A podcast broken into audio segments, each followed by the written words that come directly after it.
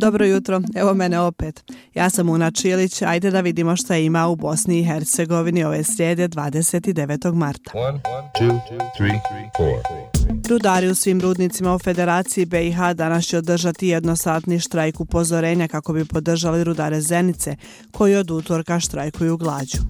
Jučer se oko hiljadu rudara obratilo gradonačelniku Zenice tražeći da blokadu računa kako bi dobili platu za februar i naknadu za topli obrok za januar. Ali se gradonačelnik nije obratio njima. Evo šta kaže predsjednik sindikata rudnika Mrkog uglja Zenica Elvedin Avdić. Mi smo održali časno, pošteno, mirni protestni skupi pred upravom i pred zgradom opštine ništa se nije desilo kako smo dobili informaciju gradonačelnike na godišnjem. Mi i dalje ostajemo ovdje u prostorijama, nastavljamo štrajk glađu i nećemo od toga odustati dok se ovo ne završi. Mi smo već najavili policijskoj upravi proteste preko sutra i tada će doći se pridružiti nama i naše porodice i svi građani možda zemljice.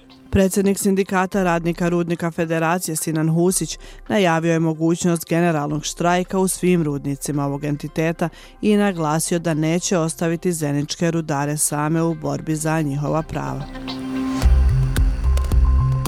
Danas će biti održana i sjednica predstavničkog doma državnog parlamenta na kojem će biti po hitnom postupku razmatran prijedlog zakona o budžetu institucija i međunarodnih obaveza. Vijeće ministara je 15. marta jednoglasno utvrdilo budžet u formi nacrta. Sveukupno iznosi milijardu i 315 miliona, što je više za 241 milion u odnosu na prošlogodišnji. Ako vam se nije zavrtilo u glavi od ove cifre gore, ajmo još malo dalje. Ka kulturi kojoj obično ostaju mrvice iz budžeta. Na sceni Narodnog pozorišta Sarajevo večera će biti održana baletna predstava Romeo i Julija. Direktor baleta Narodnog pozorišta Evgeni Gaponko kaže da je klasik Romeo i Julija urađen u jednom savremenom čitanju. Režiser i koreograf predstave David Bombane poručuje da ovim baletom odaje počast svim mladim ljudima i ljubavnicima koji su izgubili živote u pokušaju da pobjegnu od bilo kakve vrste sukoba. Tako je ova predstava posveta Bošku i Admiri, ali i svim mladim ljudima koji su stradali i stradavaju zbog netolerancije i mržnje. Evo šta kaže prva solistica baleta Narodnog pozorišta Sarajevo, Tamara Ljubičić. Zato ja nekako mislim da ova e, predstava e, jedna snažna himna protiv uh, svih oblika netrpeljivosti. Raditi Romeo i Juliju na Prokofijeva, u mom slučaju konkretno Juliju, ostati dosledan Šekspiru, a izmestiti je u neko drugo vreme i druge okolnosti, u stvari je uh, iziskivalo jedan velik, veoma kreativan rad. Prema najavama predsjednica Federacije BiH Lidija Bradara danas bi mogla donijeti odluku o imenovanju vlade i na saglasnost dostaviti pod predsjednicima Igoru Stojanoviću i Refiku Lendi a svjetski lideri počinju drugi samit za demokratiju koju organizuju Sjedinjene države. Evo jedna zdravstvena informacija. Svjetska zdravstvena organizacija promijenila je preporuku za vakcinaciju protiv COVID-19. Osobe iz populacija sa visokim rizikom trebali bi primiti dodatnu dozu 12 mjeseci nakon zadnje vakcine. Preporuka se znači odnosi na starije osobe, ali i na one mlađe koji imaju zdravstvene rizike.